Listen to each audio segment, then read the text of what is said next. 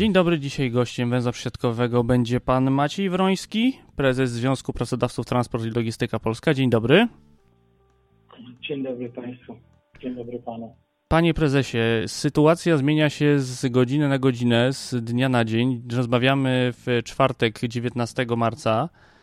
E, wczoraj znowelizowane zostało rozporządzenie, dzięki któremu no już autobusy nie są przepuszczane wolą e, Straży Granicznej na granicach, ale czy w ogóle sytuacja, jeżeli chodzi o transport drogowy, ciężarowy na granicach się poprawiła, bo ostatnio widać było gigantyczne kolejki do przejść granicznych.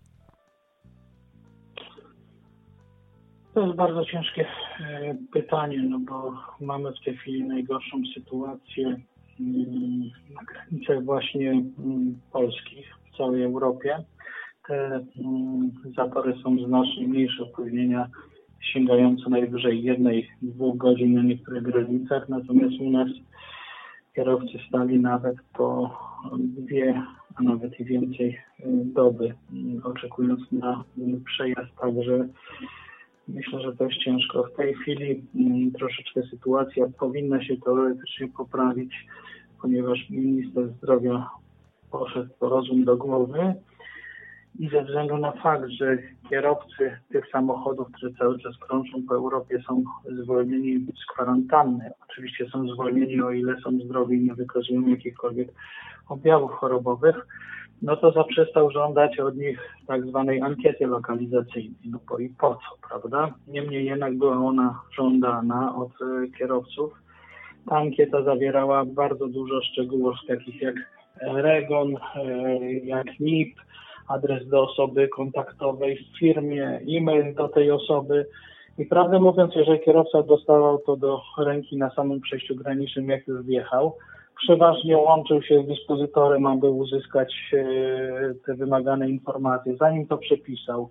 Później, jeżeli napisał niewyraźnie, strażnik e, graniczny kazał mu to powtarzać, no to generowało bardzo duże opóźnienia. Tego już nie ma dzisiaj.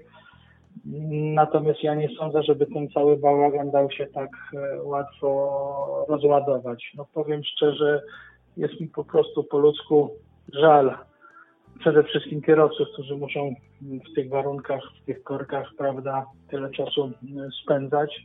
Żal mi jest ich rodzin. Taki kierowca jest bowiem znacznie bardziej narażony na koronawirusa niż w przypadku, gdyby po prostu przejechał bez tych całych administracyjnych środków ostrożności. Żal mi jest klientów. Czasami są to nawet jakieś małe zakłady produkcyjne, nie tylko duże korporacje, które ze względu na brak dostawy terminowej komponentu, oczekiwanie dwudniowe, no muszą zaprzestać y, działalności. No generalnie rzecz biorąc, nie jest dobrze, jest to po prostu powód, myślę, do pewnego smutku nawet i, i, i refleksji, że no, można było to, to nawet to samo, co zostało zadecydowane, zrobić po prostu lepiej. A jeżeli chodzi o kwestię rozwiązania czasu pracy kierowców, ponieważ dzisiaj mój kolega raportował mi, że ci kierowcy, którzy ruszyli z granicy e, z Niemcami, e, zatrzymywali się często na autostradzie A4 wszyscy w tej samej chwili niemalże w Knurowie, co oznaczało, że wszystkim skończył się czas pracy, parkingi były przepełnione, E, i było wręcz, no, no były to po prostu poważne utrudnienia w ruchu. Czytałem, że te warunki dotyczące ograniczeń czasu pracy kierowców zostały nieco złagodzone. Uważa pan, że to jest właściwa decyzja? To, że w ogóle złagodzono, tak, natomiast no, co to jest danie możliwości tam kilkunastu godzin jazdy dla kierowcy, który dwie doby, prawda, spędził w kolejce i co chwila mm, podjeżdżał on już y, da radę naprawdę podjechać troszeczkę już dalej po to, żeby w jakichś normalnych warunkach się zatrzymać, odpocząć.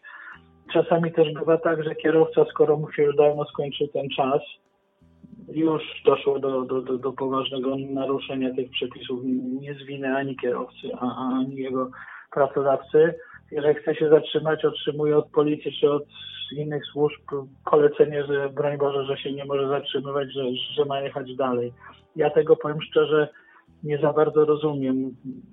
Jeżeli jest sytuacja, no taka nadzwyczajna powiedziałbym, e, obywatel nie zawinił całej mm, sytuacji, temu, te, te, temu naruszeniu, nie dokonuje się całkowitej abolicji za to naruszenie, szczególnie, że ono jest bardzo łatwo udokumentować, no bo że faktycznie przekroczył tą granicę. Są dokumenty w posiadaniu władz, prawda, i były do tej pory te ankiety lokalizacyjne, no generalnie jest cały system monitorowania przejazdu, czy to SEND, czy na przykład monitorowanie za pomocą e, bramownic. No powiem szczerze, dziwi mnie taka przesadna generalnie ostrożność i dbałość o bezpieczeństwo, kiedy już same warunki prawne, które spowodowały to naruszenie przepisów, no, zagrażają bezpieczeństwu ruchu drogowego. Zwracał Pan też uwagę, że 37% polskiej pracy przewozowej w transporcie ciężarowym to e, eksport usług, gdzie pojazd nie wraca do Polski. Natomiast y, do niedawna kierowca wracający do domu innym środkiem transportu niż ta ciężarówka podlegał kwarantannie. Czy to się zmieniło, czy nadal ten przepis został utrzymany w tym momencie? Niestety ten przepis został nadal e, utrzymany. Ja dzisiaj jestem w kontakcie takim online, to znaczy co kilka godzin się komunikuję po prostu z odpowiednim departamentem w Ministerstwie Zdrowia. Chcą to troszeczkę złagodzić, bo widzą, że wychodzi co najmniej dziwnie, a wychodzi dziwnie dlaczego, bo e, w rozporządzeniu ministra zdrowia zwolniono pracowników, którzy pracują w niemieckich przedsiębiorstwach, słowackich, w czeskich i oni mogą non-stop przekraczać w tej nazad granicę, jadąc nawet po kilka osób jednym środkiem transportu są zwolnieni z kwarantanny. Natomiast jeżeli pracują u polskiego pracodawcy, no to wpadają w tą kwarantannę, jeżeli nie przyjeżdżają tym pojazdem, którym wykonywany jest e, transport drogowy. Zresztą w ogóle ta sytuacja i, i dosyć dziwnie zapisane, niejednoznacznie sformułowane przepisy mm, doprowadzają do e, bardzo kuriozalnych sytuacji. Na przykład mamy taką dosyć dużą polską firmę, która pochodzi, była firmą rodzinną, teraz staje się już taką korporacją europejską produkującą naczepy, przyczepy. E, oni używają własnych ciągników siodłowych do tego, aby tą naczepę po prostu wywieźć, dostarczyć do klienta. No i wracają na pusto samym ciągnikiem siodłowym. No była sytuacja, że przez jedno przejście graniczne po prostu nie zostali wpuszczeni z powrotem, wracając tymi ciągnikami siodłowymi e, do domu. Ja też mogę w pewnym sensie zrozumieć funkcjonariuszy Straży Granicznej. Oni są poddani no, dosyć dużej presji. Też pracują w bardzo ciężkich warunkach, no bo nie zapomnijmy, że z chwilą, kiedy weszliśmy już do tej strefy Schengen, cała ta infrastruktura na przejściach drogowych została zlikwidowana albo została pozostawiona tak sama sobie zniszczona. Ci ludzie też nie, nie mają warunków do pracy. No niemniej jednak to jest rola ich zwierzchników, rola kogoś, kto powinien to wszystko koordynować, reagować Natomiast konia z rzędem temu, kto się dodzwoni na którąkolwiek z infolinii, które zostały ogłoszone jako te mające e, na celu kontaktowanie się w sytuacjach awaryjnych z administracją. Czyli można powiedzieć, że aktualnie przyjęte regulacje jakby no, dyskryminują przedsiębiorców polskich w stosunku do przedsiębiorców z sąsiednich krajów Unii Europejskiej. I czy to wynika tylko z krajowego ustawodawstwa w Polsce? Tylko i wyłącznie, no bo zapis jest po prostu prosty. Jeżeli, jeżeli obywatel polski pracuje za granicą, no to może przechodzić z tej nazad granicy, jeżeli idzie do pracy, na przykład do Niemiec, do niemieckiego pracodawcy. Natomiast obywatel polski, który wraca, wykonał swoje zadanie, wraca e, do kraju i e, jest przymusowo poddawany e, kwarantannie. Ja oczywiście z jednej strony e, rozumiem te wszystkie wymogi i ostrożność władz, no bo przykład włoski pokazał, że jeżeli w ogóle nic się nie zrobi, no to ta, e, ta choroba może się rozprzestrzenić no, w sposób e, tragiczny i fatalny.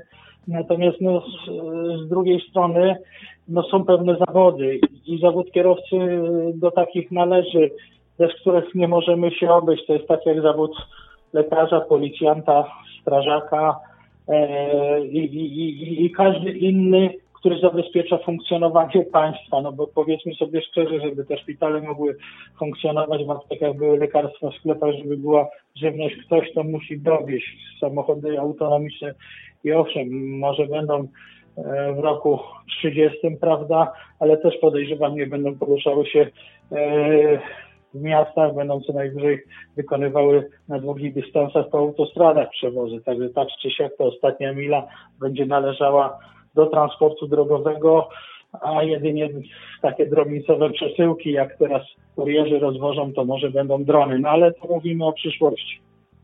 Panie prezesie, ostatnio starliśmy się dość mocno w poglądach, jeżeli chodzi o wsparcie dla polskich przedsiębiorców e, z powodu kryzysu wywołanego koronawirusem. Teraz wiemy już trochę więcej na ten temat. Czy jest Pan osobiście i może też mniej osobiście zadowolony z tego, co zostało zaproponowane przez stronę rządową przedsiębiorcom? A ja nie wiem, co zostało zaproponowane. Mówię to całkowicie szczerze, ponieważ kieruję się ewangeliczną zasadą po owocach ich poznacie nie po słowach. Czyli jeżeli będę miał wszystkie akty wykonawcze, wszystkie rozporządzenia, projekty, będę mógł na nie spojrzeć, no to wtedy będę mógł panu odpowiedzieć. A to, że ktoś opowiada, wie pan, ja mam swoje lata i, i ja już jestem przyzwyczajony, że, że, że, że, że, że kolejni urzędnicy, kolejni politycy cały czas mówią, że coś zrobią. Natomiast ja bym wolał, żeby oni po prostu zrobili i dopiero wtedy o tym powiedzieli. Ja rozumiem, że dotyczy to również spotkania z ministerem Milewicz z ubiegłego piątku, gdzie sama branża transportowa rozmawiała na temat y, ewentualnego wsparcia. Tam również byli przewoźnicy drogowi. E, rozumiem, że do tego również się Pan odnosi w tym momencie. No widzę dosyć duże, duże starania ze strony i, i życzliwość, no bo to się czuje taką empatię, prawda? Czasami od kogoś się czuje empatię, od innego nie, prawda? mamy coś takiego jako osoby ludzkie, że jest ten niewerbalny przekaz, widać dosyć dużą empatię, chęć starań i tak dalej. Natomiast proszę zwrócić uwagę, że pojedynczy e, polityk w tej machinie administracyjnej no niewiele może zdziałać. Można mieć nawet najlepsze intencje, natomiast jak się nie ma sztabu ludzi, którzy z kolei mają swoich ludzi i wszyscy są po prostu sprawni, no to nie ma pracy zespołowej. I czasami może być tak, jak w takiej rosyjskiej fabryce e, karabinów, która dostała zlecenie na produkcję wózków dziecięcych, ale z taśmy nadal coś w rodzaju karabinów maszynowych schodziło. Czyli jednym słowem e, nie widzi pan tego, tej siły w rządzie, która jest w stanie w tym momencie w jakiś sposób wesprzeć branżę transportu drogowego? To znaczy siłę może ja widzę, jeśli spotykam się z politykami, natomiast jeżeli dochodzi do spotkań na niższym szczeblu, to mniej więcej jedna czwarta, jedna trzecia z tych osób widzę, że rzeczywiście też coś chce działać, natomiast po reszcie widzę, patrząc się po prostu w twarze, patrząc na gesty, na ten niewerbalny przekaz, że chciałby mieć po prostu święty spokój. Rozumiem. Mam pytanie takie dość branżowe do Pana. Z pewnych źródeł dotarła do mnie informacja, że kierowcy jednego z przewoźników autobusowych e, dostali ofertę przejścia do innego przewoźnika. Chodzi tu o przewoźnika realizującego kursy turystyczne w Europie Zachodniej. Dostali ofertę przejścia i z tego, co się dowiedziałem, z 300 kierowców, którzy taką ofertę dostali, tylko jeden zgodził się przejść. No jeżeli tak było, no to świadczy o tym, że to dobry pracodawca ich zatrudnia, że oni wierzą w niego, że przejdzie przez ten e, kryzys. No i lubią swoją pracę. Ja myślę, że to jest właśnie najważniejsze, że jeżeli pracujemy w jakimś zespole, no to ludzie powinni się czuć w nim dobrze, e, powinni być szanowani, powinni mieć satysfakcję, że są docenieni.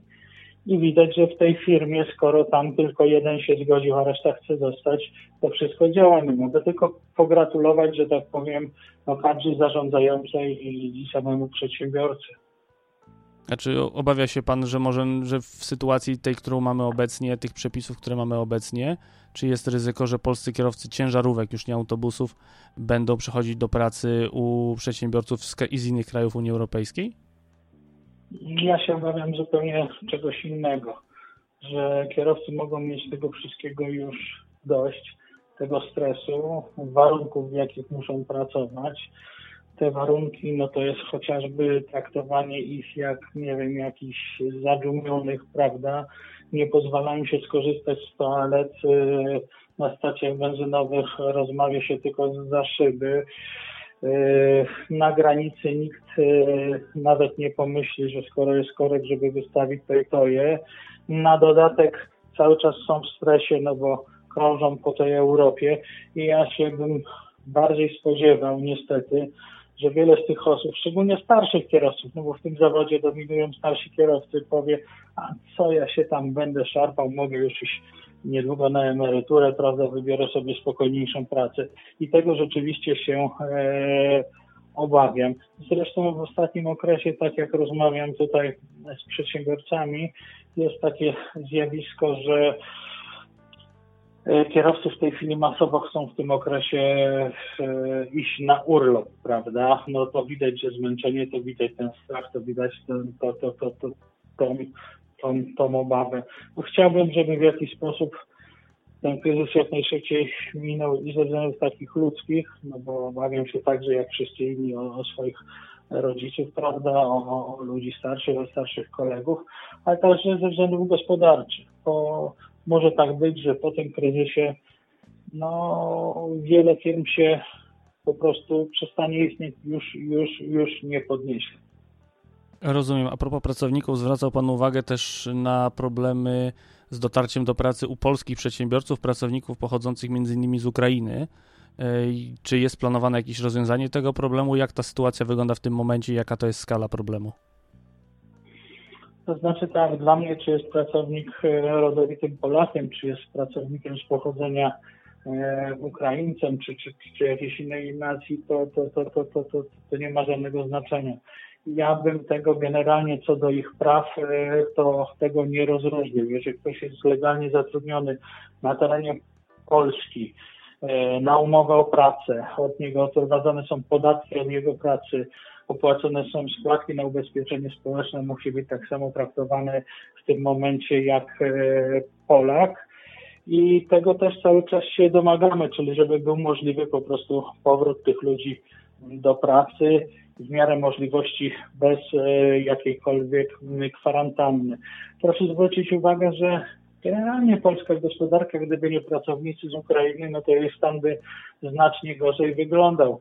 Jeżeli korzystaliśmy z ich pracy w tym okresie prosperity, prawda, kiedy wszystko to się podobało, no to teraz tym bardziej musimy też i, i, i, i o nich zadbać, no bo nie można tak podchodzić koniunkturalnie do problemu. A w transporcie, no w samym tylko transporcie międzynarodowym zatrudniamy około 70 tysięcy pracowników za wschodniej granicy. Jaki to jest udział we wszystkich, y, w łącznej grupie pracujących? E, mamy gdzieś, no bo to są różne szacunki, od 250 do 300 tysięcy w ogóle kierowców w międzynarodowym transporcie. No to trzeba sobie teraz przeliczyć. Ja jestem już zmęczony, no bo po kilkanaście godzin od 6 rano do 24. Proszę mi wybaczyć, że z głowy w tej chwili panu nie powiem, jaki to jest procent 70 tysięcy z 250. Rozumiem. Y, Ostat... Około 30% mniej więcej. Można przyjąć, że jest to dość sporo. Ostatnie pytanie, żeby już y, Pana nie męczyć. Y, jakie dalsze działania podejmie Transport Logistyka Polska? Co jeszcze trzeba zrobić, żeby w miarę bezpiecznie przejść przez ten kryzys, który obecnie mamy?